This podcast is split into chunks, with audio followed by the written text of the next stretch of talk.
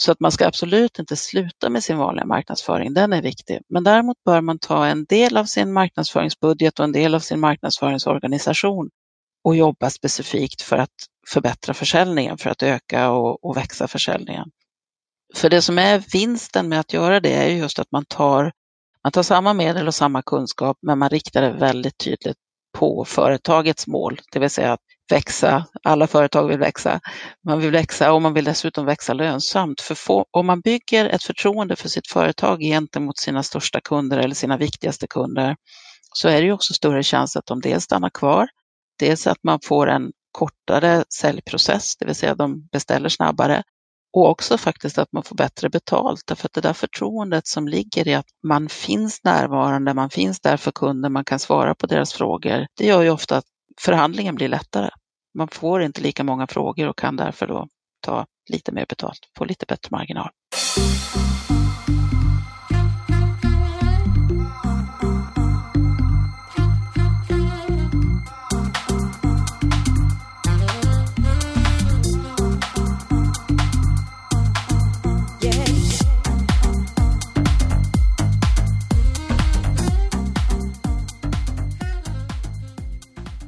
Välkommen till Digital marknadsföring med Tony Hammarlund. En podd där jag intervjuar branschexperter och marknadsförare för att lära mig mer om digital marknadsföring.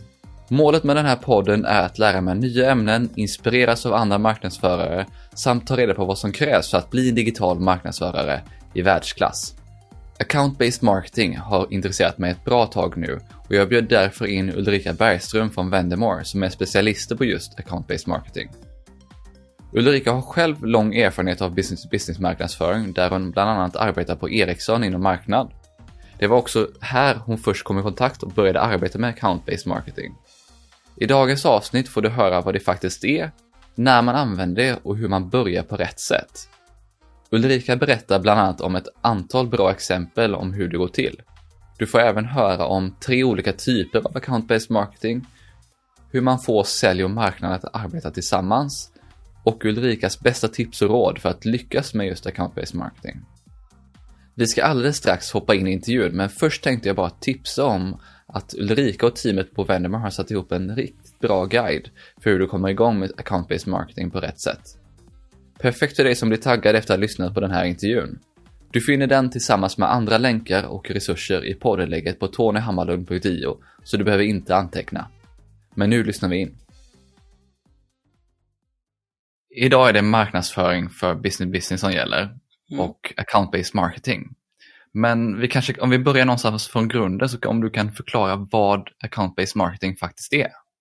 Account-based marketing är, ett, det är mer en metodik och ett arbetssätt än att jämföra med en kampanj. Många kan nog få uppfattningen att det här rör sig om att göra en, en ny typ av kampanj för, som riktar sig mot företag. Men det är det inte, utan det är något som det är ett arbetssätt där man vill att sälj och marknadsföring tillsammans jobbar mot kunderna för att bygga relation över tid. Det handlar om att få ett, att bygga en trygghet och relation genom hela säljprocessen. Så det handlar inte i första hand om att marknadsförarna ska hjälpa till att hitta leads till säljorganisationen, utan mycket mer om att marknadsföringen ska fylla de hål i kommunikationen till kund under de tider då kunden, eller då säljarna faktiskt inte kan vara hos kunden, inte kan träffa kunden. Då ska marknadsföringen vara där och stötta, se till så att man finns digitalt när kunden är ute och letar, se till så att man finns där och kan svara på frågor när kunden själv är ute och söker och även förstås pusha nya budskap gentemot kunden för att öppna dörren för säljarna. Så det handlar mycket mer om att bygga relation över tid och att jobba mot samma mål i sälj och marknadsföringsorganisationerna än att göra en, en enkel kampanj. Ja, nej, för det, det är jätteintressant att höra, för det, det, det är väldigt många som pratar om account-based marketing och man funderar på att dra igång olika projekt med det här. Men när passar det att man använder account-based marketing i ett företag? Det passar egentligen, det beror lite på vilket företag man är. Man brukar prata om tre olika typer av account-based marketing. Dels är det one-to-one, när man, är, det kan, man kan tänka sig ett stort industriföretag som inte har så många kunder globalt. Man kanske har 400-500 kunder. men man har haft relationen under mycket lång tid. Man, man jobbar aktivt, man spänner över, kundens organisation är väldigt stor och man behöver nå många olika kontakter, många olika beslutsfattare för att få igenom ett beslut och för att växa sin affär med den här kunden.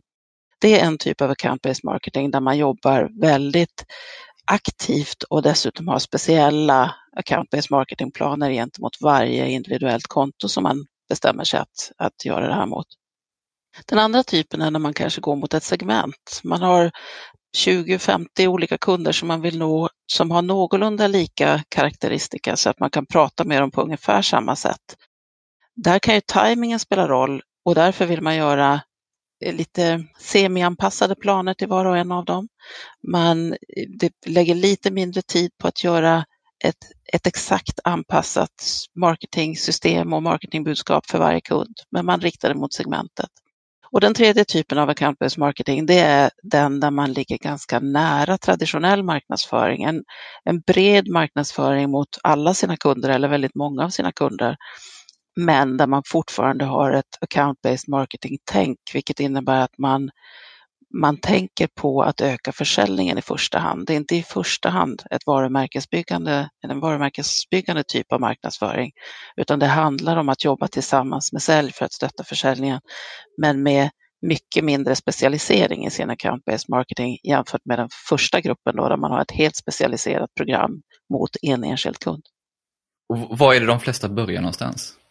Jag skulle säga att det finns två sorter. Det, det finns det är inte så vanligt för just stora ja, men, industriföretag, sådana som har väldigt långsiktiga relationer med kunder. Det är inte så ovanligt att de börjar på toppen, att de väljer ut ett eller två av sina stora företag och så gör man speciella marknadsföringsplaner mot dem, sätter ihop ett säljteam och ett marknads, marknadsföringsteam och så bygger man planen därifrån. Så man börjar med en eller två kunder.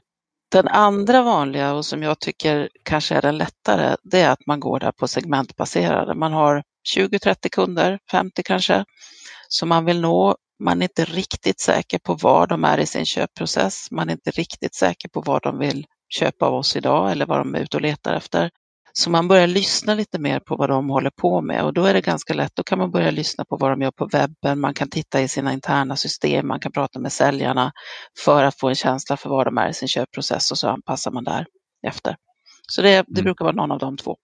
Ja, men det är intressant att höra just, börjar man på det breda eller börjar man på det väldigt smala? Ja, det, det, är lite olika beroende på hur man, ja men också vilken typ av mognad man har i organisationen. Om man redan har ett bra samarbete mellan sälj och marknadsföring, då är det ju lättare att välja ut ett fåtal kunder som man gör en riktigt, riktigt engagerad insats gentemot. Om man har ganska, om man inte pratar med varandra så ofta, det är ju inte så vanligt i organisationerna att det är ganska tydliga silos, marketing och sales, tyvärr. Då är det kanske lättare att börja lite bredare och säga, ja okej, men vi försöker, vi gör, en, vi gör en liten kampanj och ser vad som händer. Vi börjar lyssna på webben och ser vad vi lär oss. Och så får man växa ihop internt också då? Precis.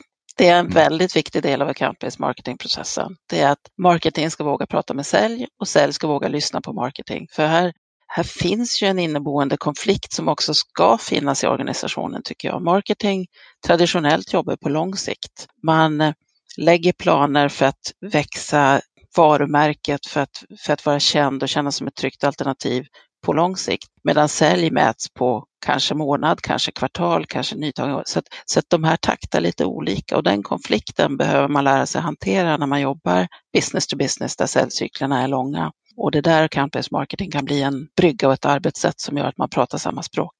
Kan du ge några exempel på hur det här fungerar i praktiken då? Ja, jag kan, eh, om jag börjar med den, det första exemplet där man har riktat sig mot en så har Siemens PLM har varit väldigt tidigt i marknaden. De började med account-based marketing för flera år sedan och har då också skapat en organisation där account-based marketing är en, ja men det är en, det är en tydligt definierad del. Man jobbar fortfarande med annan typ av marknadsföring också, men här har man en tydligt definierad del med ansvariga personer och så vidare. Där gjorde man så, man hade i, i 18 månaders tid ungefär jobbat mot fyra konton som man inte hade kommit någon vart alls med upplevde säljorganisationen. Det var helt kallt. Så bestämde, så bestämde man sig att att eh, komplettera de marknadsföringsinsatser som man redan hade gjort med att göra riktade program. som man gjorde individuella program, först för tre av de här organisationerna och sen blev det fyra och lade det på sex månader. Och resultatet av det, det blev väldigt bra upplevde säljorganisationen, vilket ju är det viktiga i det här. Det var att man kom så långt med alla de här fyra kontona så att man upplevde att man hade fått en bättre relation.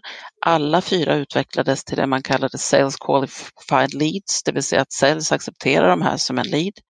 Och man hade blivit inbjuden till att offerera i en upphandling med en kund då som en stor kund eller potentiell kund som tidigare var helt kall. Och det, här, det berömda värdet på de här fyra affärerna det är 2,9 miljoner pund. Så det var ju det var jätte... En ansenlig summa. Det är en ansenlig summa och, och framförallt det man uppnådde med den här det var ju att man fick sälj och marketing och prata samma språk och jobba ihop. Så det, det har man spunnit vidare på, byggt vidare på.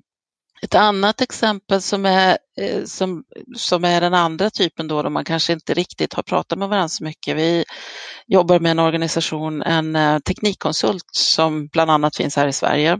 Och de har en eh, marknadschef som är väldigt framsynt och som tycker att account-based marketing borde passa dem, men har inte riktigt fått med sig säljarna på spåret, eller hade, hade i alla fall inte det i mitten av förra året. Så vi satte igång ett program där, där syftet egentligen var att det var två. Dels så ville man förstås få en, man ville få till ett möte eller man ville få till någonting som säljarna kunde tycka att det här var bra. Här har marketing bidragit till att ge mig någonting, till att hjälpa mig i processen.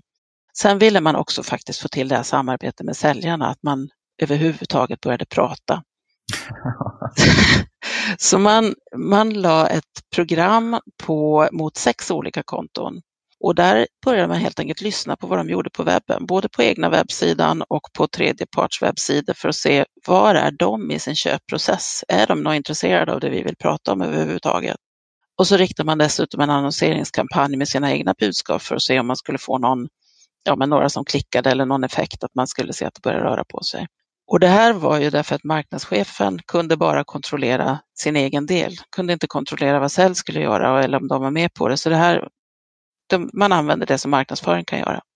Två av kontona såg man att de verkade ganska kalla, så det blev ju ett budskap till, till sälj att här är nog tajmingen faktiskt fel. De här verkar inte intresserade. Ett av de andra fick man till ett möte med och ett fjärde av de här sex kontona, där kom man faktiskt så långt på fyra månader så att man fick komma in i en upphandling. Och i båda de fallen där man fick till ett möte och där man fick till en upphandling så upplevde säljarna att marketing hade bidragit genom att öppna dörren, bana väg, göra det lättare, bygga ett förtroende hos kunden innan, innan säljaren hörde av sig. Och det är precis det man vill uppnå i en account-based marketing-program. Ja, men det är riktigt kul när du har två sådana konkreta exempel som man också kan se. Mm, det är det. Men hur började du jobba med account-based marketing själv? Jag började egentligen för länge sedan, långt innan marknadsföringsvärlden var digital. Det var någonstans 2005-2006 satt jag på Ericsson och hade en roll som Customer Communications Director. Det visste ingen riktigt vad det var, men det gick ut på att vi skulle se till så att marknadsföringsmaterialet och att värdeargumentationen kring produkten och så vidare passade kunderna mycket bättre, att man anpassade det. Och I det sammanhanget så hittade jag och en kollega ITSMA, ITSMA som är en organisation som 20-30 år har jobbat med just marknadsföring business to business. Och had, de hade då kommit med det här att account-based marketing, det är något man bör jobba med. Man bör forma sitt, man bör tänka på sin kund som på ett land och segmentera inom kunden och hitta olika roller och att man pratar olika till dem. Det där stämde väldigt bra med den situation vi hade. Så vi tog det till oss och fick i uppdrag då att göra en eh, ett proof of concept, göra en pilot med hur skulle vi kunna jobba med account-based marketing. Och det här var då 2005-2006 någonstans.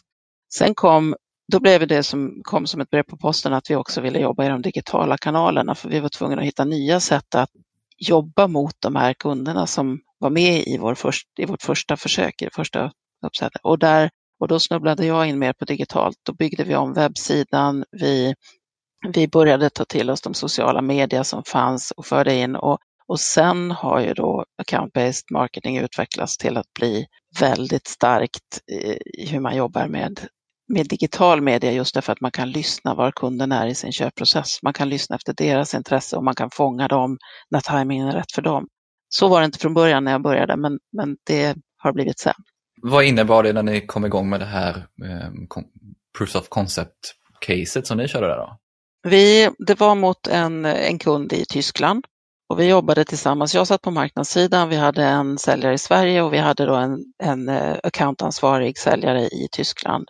För det ska man också komma ihåg här att, att det här begreppet account, det har ju sälj använt länge. Det är inget begrepp som marknadsföringssidan använder sig av så ofta, men på sälj finns ju det. Man har account managers, man har accountplaner, man, man jobbar på ett strukturerat sätt. Så att egentligen är account-based marketing inget konstigt för sälj, det är bara det att de inte har vetat att det är det de gör. Och som man då hänger på, när vi kom in där med marknadsföringsidéer och med speciell värdeargumentering som var riktad precis till den här kunden, deras sätt att prata och deras sätt att tänka och de behov de hade, då hittade vi ju säljaren, vi hittade en, en bra kommunikation mellan mig som marknadsförare och mellan säljaren ganska fort. Därför att vi plötsligt pratade samma språk. Jag var intresserad av säljarens kund och säljaren blev intresserad av vad jag skulle kunna göra för att bidra till att växa kunden. Resultatet av just den här blev att man bland annat ordnade speciella event för den här kunden lokalt i Tyskland och man tog fram ett speciellt white paper som var relevant för det kunden och tog det då förstås på tyska. Det hade säkert annars blivit på engelska om vi inte hade haft den här insatsen och så vidare. Det handlar egentligen inte om att göra marknadsföring eller nyttja andra kanaler eller andra sätt eller andra budskap ens i många fall, utan det handlar om att göra det vid rätt tid och i samklang med vad sälj gör gentemot de här kunderna. Blev det här någonting bredare som Ericsson tog sig an för all sin marknadsföring? Man avslutade egentligen den pilot som jag höll på då med, The Proof of Concept, och så lyftes det in i linjeorganisationen i det som då kallades Demand Generation-organisationen eller programmet. Eller... Så att det blev ett sätt att jobba. Jag kan inte svara för om de fortfarande jobbar så, men däremot så blev det det då. Det här är ju nu nästan tio år sedan. Men, det är så, men för att gå tillbaka till Siemens, det är så Siemens jobbar. Där har vi en kontakt i mitt nuvarande jobb och de, Siemens PLM jobbar precis på det här sättet. Har aktiva planer där accountplanen också innehåller en marknadsföringsdel och man, gör, man, man har det här som ett arbetssätt i organisationen. När det gäller ABM då, och de här insatserna man gör mot de här specifika kunderna eller kontona eller segmenten, Arbetar man med ABM parallellt med sin vanliga marknadsföring? Eller arbetar man enbart med det? Man bör jobba med det parallellt, för det finns ju den, den vanliga breda marknadsföringen behövs också för ett företag. Man behöver bygga kanske förtroende för sitt varumärke. Vissa branscher är det oerhört viktigt att, att man lobbar. Jag tänkte precis nu på den här Alltså hela miljöbranschen, energibranschen, livsmedelsbranschen, hela den där finns det säkert väldigt många företag som bara behöver visa att de finns och att produkten behövs därför att potentiella användare och företagskunder inte ens vet om att produkten finns. Då behöver man en bred marknadsföring. Det kan, ja, men det kan också vara att man vill, vill vara en attraktiv arbetsgivare och därför vill nå ut på ett brett sätt till potentiella anställda. Så att man ska absolut inte sluta med sin vanliga marknadsföring, den är viktig. Men däremot bör man ta en del av sin marknadsföringsbudget och en del av sin marknadsföringsorganisation och jobba specifikt för att förbättra försäljningen, för att öka och, och växa försäljningen. För det som är vinsten med att göra det är just att man tar, man tar samma medel och samma kunskap, men man riktar det väldigt tydligt på företagets mål, det vill säga att växa. Alla företag vill växa. Man vill växa och man vill dessutom växa lönsamt. För få, om man bygger ett förtroende för sitt företag gentemot sina största kunder eller sina viktigaste kunder så är det ju också större chans att de dels stannar kvar Dels att man får en kortare säljprocess, det vill säga de beställer snabbare och också faktiskt att man får bättre betalt. Därför att det där förtroendet som ligger i att man finns närvarande, man finns där för kunden, man kan svara på deras frågor. Det gör ju ofta att förhandlingen blir lättare. Man får inte lika många frågor och kan därför då ta lite mer betalt, få lite bättre marginal. Ja, nej, det uppskattar nog väldigt många företag. Ja, det är det. Ja, men det är också en gammal sanning att det, att det är billigare att behålla en kund än att få en ny och det är ju högst relevant när man pratar account-based marketing. Att det handlar, visst är det viktigt att man genom account-based marketing försöker fånga nya kunder, men det, den, det egentliga målet är att växa nuvarande kunder för att behålla dem på sikt, skapa lojalitet, få, få en lite enklare framtid och också lära känna kunden så att man stannar kvar och blir en blir den leverantör som de verkligen vill jobba med. Ja, men då, då, tror jag de flesta har fått, och jag har fått, en bättre koll på vad account-based marketing faktiskt är. För jag har läst en hel del artiklar, inte minst inför den här intervjun. där det mest handlar om just för att beskriva det och jag tycker det har varit ganska luddigt i många fall. Men om vi nu går över någonstans till ämnet, var börjar man och hur kommer man igång på ett bra sätt? Det kan man ju fråga sig. Det kan ju låta lite komplicerat det här och det behöver inte vara komplicerat. Det finns lite olika sätt att börja beroende på var man är som organisation. För många är faktiskt det lättaste att gå till sälj och knacka på och fråga, om jag då säger att jag marknadsför, knacka på och fråga vilka är era viktigaste konton? Vilka ska ni sälja till kommande år, ett och ett halvt? Därför att sälj brukar veta. De brukar ha koll på sina kunder och vart de vill nå. Och så säger man, ja men kan vi inte jobba ihop om det? Kan vi inte göra speciella aktiviteter mot dem? Och så ser man om det fungerar. Ett annat sätt om man, är, om man jobbar mot många, många kunder och inte riktigt kanske vet var de ligger, då finns det egentligen två sätt. Endera börjar man att lyssna på vad de kunderna gör på webben. Man sätter en mätning på sin egen webbsida, man kanske sätter mätningar på andra webbsidor. Det finns sådana tekniker också för att se vad just de här företagen som man är intresserad av gör och vad de är, eh, vad de är ute och letar efter. Här kan ju också komma in AdWords till exempel, att man gör en annonsering via AdWords eller att man gör en IP-baserad annonsering för att fånga upp vilka ämnesområden som fungerar mot de här företagen, vad de triggar på. Det kan vara ett bra sätt att börja. Börja lyssna på vad de gör på nätet, börja annonsera lite lätt för att känna på vart företagen är på väg. Sen finns det en tredje som jag skulle vilja rekommendera. Den är lite mer komplex, men den passar många företag som, är, som kanske är lite större och har den kapaciteten. Det är att man faktiskt gör en grundlig analys av sin existerande kunddatabas. För där brukar det stå, där brukar finnas väldigt mycket bra information om vilka som är de bästa kunderna. Vad har de för karaktäristika? Var finns de? Och det är inte säkert att det är precis de kunder som, som säljorganisationen faktiskt riktar sig mot. För det, det kan vara lite bekvämlighet som har, har gjort att de har valt sina favorit, favoritkunder. Men om man tittar på databasen och statistiken kan man ofta hitta väldigt bra information om kunderna och sen kan man då leta tvillingar till dem och forma sin, sitt målet eller målgruppen för sin kampanj. Ja, som sagt, magkänsla är ju inte alltid det bästa att gå på när det gäller det här. Nej, det är inte det. Och det, det som är spännande också i account-based marketing är att om man ser traditionellt så har säljare, säljare jobbar traditionellt med en eller ett fåtal kunder medan marketing traditionellt jobbar med gruppen kunder. Man pratar målgrupper, man pratar segment. Och det är här någonstans man måste mötas också, att, att vi faktiskt pratar i de här segmenten så pratar vi till syvende och sist om enskilda kunder. Det är ju enskilda affärer vi vill växa och vinna. Du har pratat här innan både om er på Ericsson eh, när du var där och på Siemens och så vidare om det här med piloter eller proof of concept. Bör man börja på, det, på den nivån eller kan man börja på eh, med ett, ett färdigt program så att säga? Jag tycker absolut att man ska börja med en pilot eller en proof of concept därför att man, de, de allra, allra flesta, såvida man inte tar med sig en kunskap om account-based marketing från ett tidigare företag eller så, så börjar man ju och vet inte speciellt mycket om hur det här ska gå. Man vet inte hur vi ska jobba inom företaget. Man vet inte hur, hur man kommer att bemötas och framför allt har man ofta lite felaktiga förväntningar för man tror att det här ska gå snabbt. Bara vi nu gör som, som det står i de här artiklarna som du hade läst innan, då kommer vi att fixa det här. På två månader har vi massa leads och jättebra affärer. Så fungerar det ju inte. Utan det här tar tid och därför tycker jag att det är viktigt att göra en pilot och sätta rimliga förväntningar på den piloten. Hur bör en pilot se ut då? Alltså hur stor eller hur liten bör den vara? Ja, det viktigaste är nog tiden. Den bör sträcka sig över tre till sex månader. Man, man gör inte en pilot på account-based marketing på en månad och tror att man har öppnat en dörr till en ny kund eller, eller vidgat ett kontrakt, utan man behöver ge sig själv lite tid.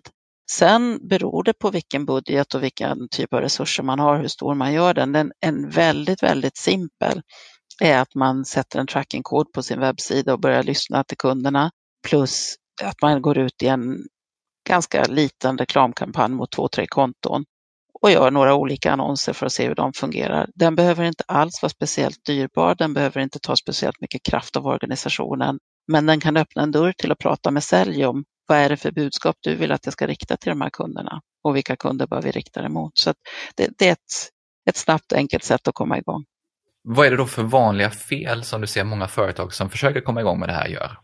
Jag skulle säga att det är två. Det första är att man gör det lite för komplext. Man, man eh, vill göra allt på en gång och så börjar man blanda in folk från fyra, fem, sex olika säljenheter och man har en lista på 300 konton och man vill göra allt på en gång. Det, det kommer, det, det, blir för mycket. Då kommer man att få backa. I värsta fall så kör man i diket helt och får börja om och får börja bygga förtroende på nytt internt. Ett annat fel som man gör är just att man sätter fel mål.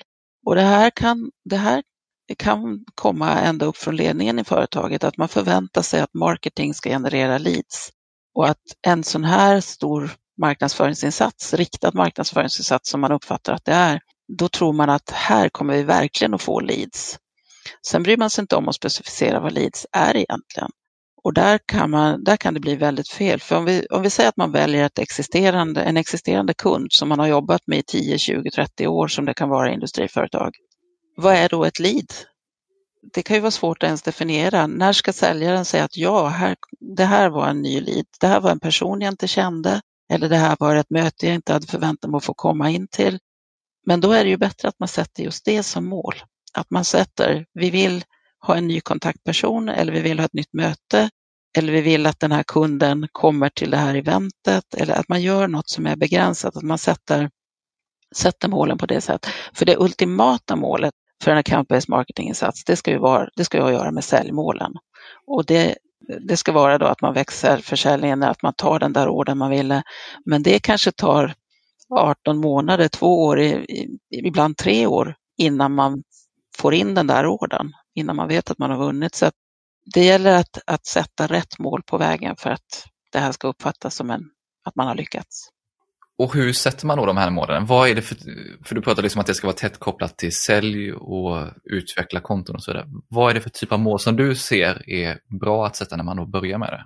Jag tycker det är långsiktiga mål. I, I den mån man överhuvudtaget vill sätta ett försäljningsmål när man börjar så tycker jag att man ska sätta ett relativt försäljningsmål. Vi vill öka jämfört med vad vi sålde i fjol eller vi vill öka jämfört med kunder som vi inte riktar oss till i den här marknadsföringsinsatsen. Så man ska sätta ett relativt mål, inte ett absolut. Sen tycker jag att man ska mäta själva marknadsaktiviteterna på de sätt man normalt mäter marknadsaktivitet på. Det vill säga man kan titta på, får vi mer trafik till webbsidan? Får vi fler klick på annonserna? Får vi någon som laddar ner ett white paper? Får vi någon som kommer till ett event? Men de ska man egentligen inte se som mål för account-based marketing-insatsen, utan det ska man se som indikationer på att man är på rätt väg och att, att själva aktiviteten fungerar och gör det den ska. Men målet för account-based marketing-insatsen ska vara något som sälj och marknadsföring tillsammans har definierat och som har att göra med hur, kunden, hur relationen till kunden utvecklas. Vi får fler möten, vi kom in där vi ville eller till syvende och sist, vi har ökat försäljningen. Nej, men det är ju så här, det här med mätning och vad det, är man, vad det är man ska mäta. Det är ju en sån fråga som alltid kommer upp egentligen. Ja, det är den vanligaste som vi får hela tiden. Och, och tyvärr, jag, måste komma, jag kommer tillbaka till det, jag blir lite tjatig, men tyvärr så är det väldigt många som vill mäta marknadsföringsinsatser på om de genererar leads. Och det är ju, jag tycker att det är lite problematiskt generellt, därför att då säger man att marknadsföring, det funkar bäst och det jobbar bara i början av en säljcykel. Sen tar säljaren över och gör jobbet och sen har man någon serviceorganisation. Medan i min värld så är marketing, det pågår hela tiden. Det är en väldigt långsiktig aktivitet för att bygga förtroende och relation. Den pågår även efter försäljningen är avslutad. För då ska man bygga en relation så att man får en ny försäljning senare. Den, det handlar om att bygga lojalitet och förtroende över tid. Det handlar inte om att i början gå ut med en kampanj för att få folk att, att springa till affären kanske kan funka i business to consumer men inte i business to business. Ja, men det är väl just att arbeta längs med en kundresa, inte bara köpresan. Precis, det är precis det det handlar om. Men hur arbetar man då rent praktiskt med det här och vad är det man gör? Det man gör är egentligen inte så stor skillnad mot vad marknadsförare har gjort i alla tider. Man börjar med att sätta en marknadsföringsplan och den innehåller ungefär samma saker som en vanlig marknadsföringsplan. Det ska vara mål och det ska vara medel, det ska vara en målgrupp, det ska vara en tidsplan och det ska vara aktiviteter, som ett antal marknadskommunikationsaktiviteter. Och det är egentligen precis samma som man alltid har gjort. Skillnaden är att man gör det här mycket mer riktat så att man bestämmer, om målgruppen tidigare var alla företag i Norden som har över en viss storlek, så är det nu företag A, B, C eller de 25 största företagen i segmentet X. Så att man, man är mycket tydligare i vilka man vill rikta sig till och det gör ju då att då blir resten av marknadsplanen också i regel ganska tydlig. För då vet man att det här företaget jobbar på den här marknaden. Ja, men då är det event på den marknaden vi ska ha. Det är värdeargumentering på de här produkterna som är relevanta för det företaget. Det är det här språket vi ska arbeta på. Det är de här digitala kanalerna som är relevanta för just det här företaget och så vidare. Gör man den planen in, helt individuellt så att om man nu säger att man har valt ut tre företag eller tre konton. Gör man en marknadsplan för de tre eller gör man, en, eller gör man tre stycken marknadsplaner egentligen? Om man har så få som tre, då gör man tre marknadsplaner om man ska göra det här på rätt sätt och verkligen satsa på det. För varje företag är individuellt och dessutom i en business-to-business situation, det som, är, det som är den stora skillnaden mot konsumentmarknadsföring är ju att det är många beslutsfattare och många påverkare på beslutet.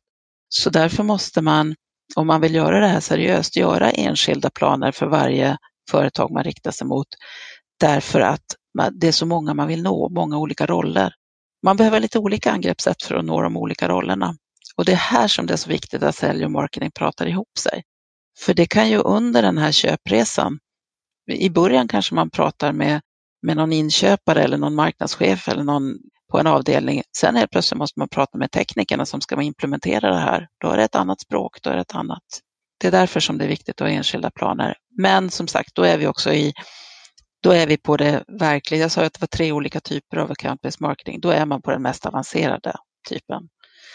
Ehm, gör man en segmentbaserad, då kan man tillåta sig att vara lite mer, då kan man ha en plan för ett segment, men fortfarande då fokusera på att hitta olika roller i det segmentet som man vill prata till. Finns det då något som skiljer en traditionell marknadsplan mot de här marknadsplaner man gör för segment eller för enskilda kunder? De är egentligen ganska lika, men skillnaden är att man blir mer tydlig när man riktar in sig på enskilda företag, när man vet vilka som är målgruppen, när den är tydlig. Därför att då blir det en fråga om att nå dem på det sätt som är relevant för målgruppen eller företaget. Och det gör att man kommer att ha lättare att prioritera vilka aktiviteter och prioritera vilka budskap man ska gå ut med. Gör man en generell marknadsplan så kanske man går på att vi ska vara med på de största eventen eller vi måste vara ute i alla sociala medier. Här blir det mycket tydligare att vi ska vara med på det eventet och vi ska använda LinkedIn för det är just det bästa sättet att nå just de här beslutsfattarna. Kommer vi in på LinkedIn där till exempel, då tänker jag, vad är det för typ av, hur påverkar det vilka kanaler man använder och det innehåll man också delar i de här kanalerna, oavsett om det är LinkedIn eller om det är e-post eller vad det än må vara. Hur påverkar det de bitarna? Den delen är jätteviktig. Jag skulle säga att det som, det som ofta händer är att man snarare begränsar antalet kanaler än att man vidgar det. Om man ser på generell marknadsföring så tenderar det ju att bli mer och mer att jag måste vara överallt. Det är relevant fortfarande i account-based marketing, men man kan tillåta sig att vara tydligare därför att man är, det är mycket tydligare vilka man vill nå jag skulle säga att det brukar bli att man väljer bort kanaler som kanske, kanske ska kännas självklara om man bara ser på den generella marknadsföringen och istället går in på till exempel specialistkanaler. Det kanske blir mycket, mycket viktigare att man har tekniker som är ute och pratar i tekniska fora på nätet.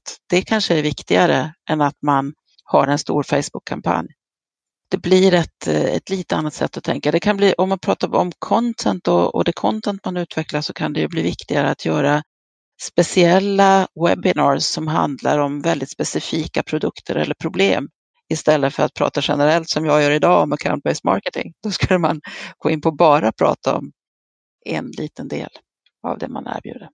Ja, men jag tycker det är jätteintressant just hur du påverkar vilka kanaler och vilka metoder man någonstans använder för att nå de här personerna eller de här kontona. Ja, jag skulle säga att man behöver tänka lite mer. Det, som marknadsförare behöver man vara lite, man behöver våga vara lite tydligare både mot sig själv och mot säljorganisationen och internt i att säga att ja, men det här tror vi är en kanal som fungerar. Det här tror vi är ett budskap som fungerar. Det här tror vi är en typ av content som fungerar och våga välja bort Sen får man ju förstås göra AB-testningar. Det blir väldigt, väldigt viktigt tycker jag i en account-based marketing situation. Därför att man, om man säger att man har gjort en annons och går ut med den och den inte verkar fungera. Det kan ju bero på att tajmingen är helt fel i förhållande till det här kontot. Så då får man testa en annan annons med ett annat budskap och se om det är bättre. Det, det här, det, det är väldigt viktigt att man är aktiv när man jobbar med campus marketing för att se om det är vi som har tänkt fel, om tajmingen är fel, om kunden just nu är intresserad av något annat eller om det faktiskt är så då att, att det här var inte rätt satsning överhuvudtaget. Men det, det, det, det är viktigt att testa, det är viktigt att vara aktiv. Vilka aktiviteter ser du att de flesta företag börjar med när man börjar arbeta med account-based? Det finns två olika sätt. Större organisationer tenderar att börja med planen. De börjar med att sätta sig ner kring ett bord och fundera vad ska vi göra och det kan, gå, det kan man ägna en väldigt lång tid åt. Men det är ju väldigt, väldigt bra för då har man också i regel gjort sin analys av vilka kunder ska vi gå ut mot och hur ska vi nå dem på bästa sätt. Mindre organisationer tenderar att börja med digital kommunikation på olika sätt som är då mer riktad mot de företag man vill nå, för man vill ha snabbare resultat så man kastar sig direkt på kommunikationsdelen. Det kan vara lika genomtänkt men det går lite fortare i regel. Vi har varit inne på liksom att det här är ett arbete som, där man måste jobba väldigt tajt och nära sälj som marknadsförare. Mm. Vad är det som krävs av organisationen för att lyckas med det då? Jag skulle säga att det viktigaste, det är två saker. Det viktigaste är att man ser till att få ett klimat där man faktiskt pratar med varandra. Man ska ha uppföljningsmöten, man ska våga, marketing ska våga gå till sälj, även om man inte har perfekta resultat eller det kanske inte har hänt någonting, men man ska ändå våga gå till sälj och säga att okej, okay, nu står vi här, vi har lärt oss det här, vi har fått de här insikterna, vad gör vi av det, vad är nästa steg? Och sälj måste våga gå till marketing och sätta sig ner och våga förstå vad marketing kan göra och inte se det som en konkurrens. Det är ganska ofta som jag har hört att säljaren säger nej, nej, nej, du får inte skicka ut något, något eh, e-postmeddelande just nu. Du stör min eh, förhandling just nu och, och vi kan absolut inte få in den här kunden som referenskund just nu för det stör vår förhandling. Istället måste man ändå säga, hur ska vi få den här kunden som referenskund? Vad ska det stå i det här e-mailutskicket? För att det är ju inte så att säljaren nödvändigtvis har rätt när den säger att man inte ska störa. Det kanske är precis det man borde göra med, med rätt budskap. Så det första är prata med varandra, se till att få till ett samarbete. Mm. Och det andra som kan vara svårare faktiskt, ännu svårare än att bryta silos, det är att ge det tid. Förvänta inte resultat på en månad. Det tar längre tid. Vad krävs av ledningen då för att det här ska hända? För om vi nu säger att det är ofta en spänning mellan marketing och sälj. Mm. Hur ska ledningen agera där för att bryta den spänningen och slå ihop silosarna lite mer? Jag tror att det viktigaste är, precis som du säger, account-based marketing är i grunden en ledningsfråga för ett business-to-business-företag. Det handlar om att få de här två jobba tillsammans och jag tror att ett av de viktigaste är att ledningen faktiskt ställer, sätter sina förväntningar till att det samarbete som ska fungera, det är eh, ni ska prata med varandra, ni ska gå ihop, ni ska ha gemensamma planer. Att inte ledningen förväntar sig just att det ska mätas på leads. Det är ganska vanligt när, när ledningen blir stressad.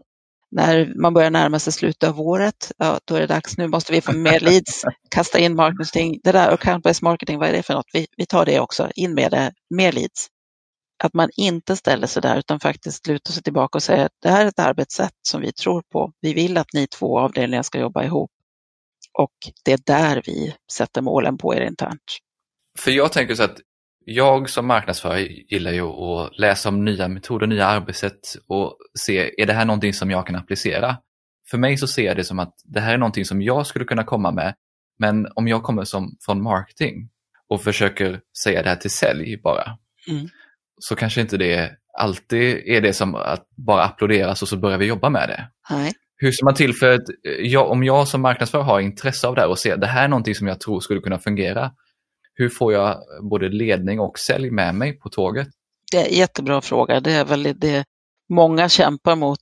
Ett bra tips brukar vara att prata med lite olika säljare. Förr eller senare träffar man på någon som tycker att det här låter lite kul.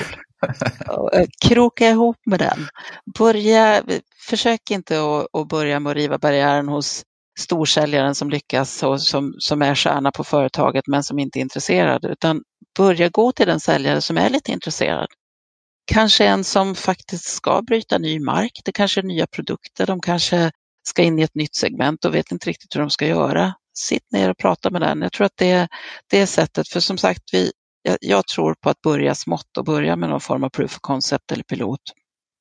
Då är det ju väldigt värdefullt att ha med sig en säljare som är positiv redan från början. Jag tror att det är nyckeln. Ja, men det låter som ett bra tips. Mm.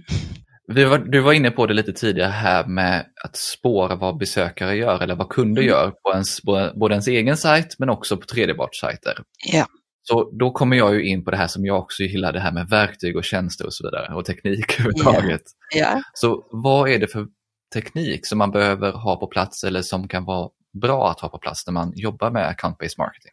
Den här frågan är, är ganska lätt för det är precis samma verktyg som ett företag behöver ändå. det är när man jobbar med sälj och marknadsföring. Och då är det så, man behöver dels ett bra CRM-system. Det har ju de flesta företag idag i en eller annan form, men det är för att hålla rätt på sina kunder, kunna följa vad som händer, karaktäristiska. Man behöver få säljarna att skriva ner vad de gör i det CRM-systemet också. Det kan vara största utmaningen här förstås. Det är grunden. Sen få gärna ett eh, marketing automation system. Det har också många idag. Det finns extremt komplexa system, det finns väldigt enkla system. Men det som är fördelen med att, med att nyttja det för sina marknadsföringsaktiviteter är ju att man håller reda på dem man håller reda på i vilken, eh, vad man har gjort och, och vad man har fått för effekt för dem. Så om man gör ett e-mailutskick eller om man gör ett event så ser man vilka kunder som har varit med och som har reagerat på de här, de här sakerna. Man behöver någon form av system som det du nämnde då, där man kan följa vad som händer på nätet. Och det här finns lite olika lösningar till, men det, de är inte, man sätter någon form av trackingkod på sin webbsida eller sätter någon form av cookie på, på företagen för att se hur de rör sig. Man behöver kunna följa sin annonsering. Det är ju, om man ägnar sig åt digital annonsering, både AdWords och eh, IP-baserad annonsering, så behöver man på något sätt kunna följa det resultatet. De här systemen, det bästa det vore förstås om de är helt integrerade, om man kan se allt på ett och, ett och samma ställe. Jag har inte hört om någon lösning som finns som är generell där man kan göra det idag. Däremot så finns det en del företag som har byggt sina egna, men det, annars så får man helt enkelt ta, bita i det sura äpplet och ta information från de olika systemen och sätta sig ner och analysera och göra, försöka få en överblick själv. Sen utvecklas ju det här dag för dag. Det, det går oerhört fort inom både marketing automation och olika typer av marknadsföringssystem. Det vet ju du också. Det, det, account-based marketing är inget undantag. Det här utvecklas nästan dag till dag. Ja, men det blir ju väldigt komplext om man också har ambitionen att allting måste finnas i ett system. Ja. Då växer komplexiteten väldigt snabbt. Ja, det blir det. Och, det. och ibland kan det vara ganska bra, i alla fall när man börjar, att hålla sig ifrån det. Utan ta de system man är van vid, fortsätt jobba med dem, dem och så säger, ställer man istället frågan, vad är det för information vi behöver? Och så söker man efter de insikterna för att kunna ta, ta sig vidare och ta nästa beslut. Ja, men det är bra. Du, du har lite koll på vad, vad det, du ser att man behöver ha på plats någonstans. Även om det här borde finnas hos alla så vet jag att det inte finns hos alla. Nej, så är det. det. Det bör man ha. Om man nu ska köra igång, vilka är dina absolut bästa tips för att komma igång på rätt sätt och undvika fallgropar med account-based marketing? Ja, då tycker jag att man ska man ska börja smått. Man ska inte göra det för svårt för sig utan börja smått, tänk igenom vad du vill uppnå och ja, men gör, det, gör en begränsad insats från början så att det inte känns för tungt.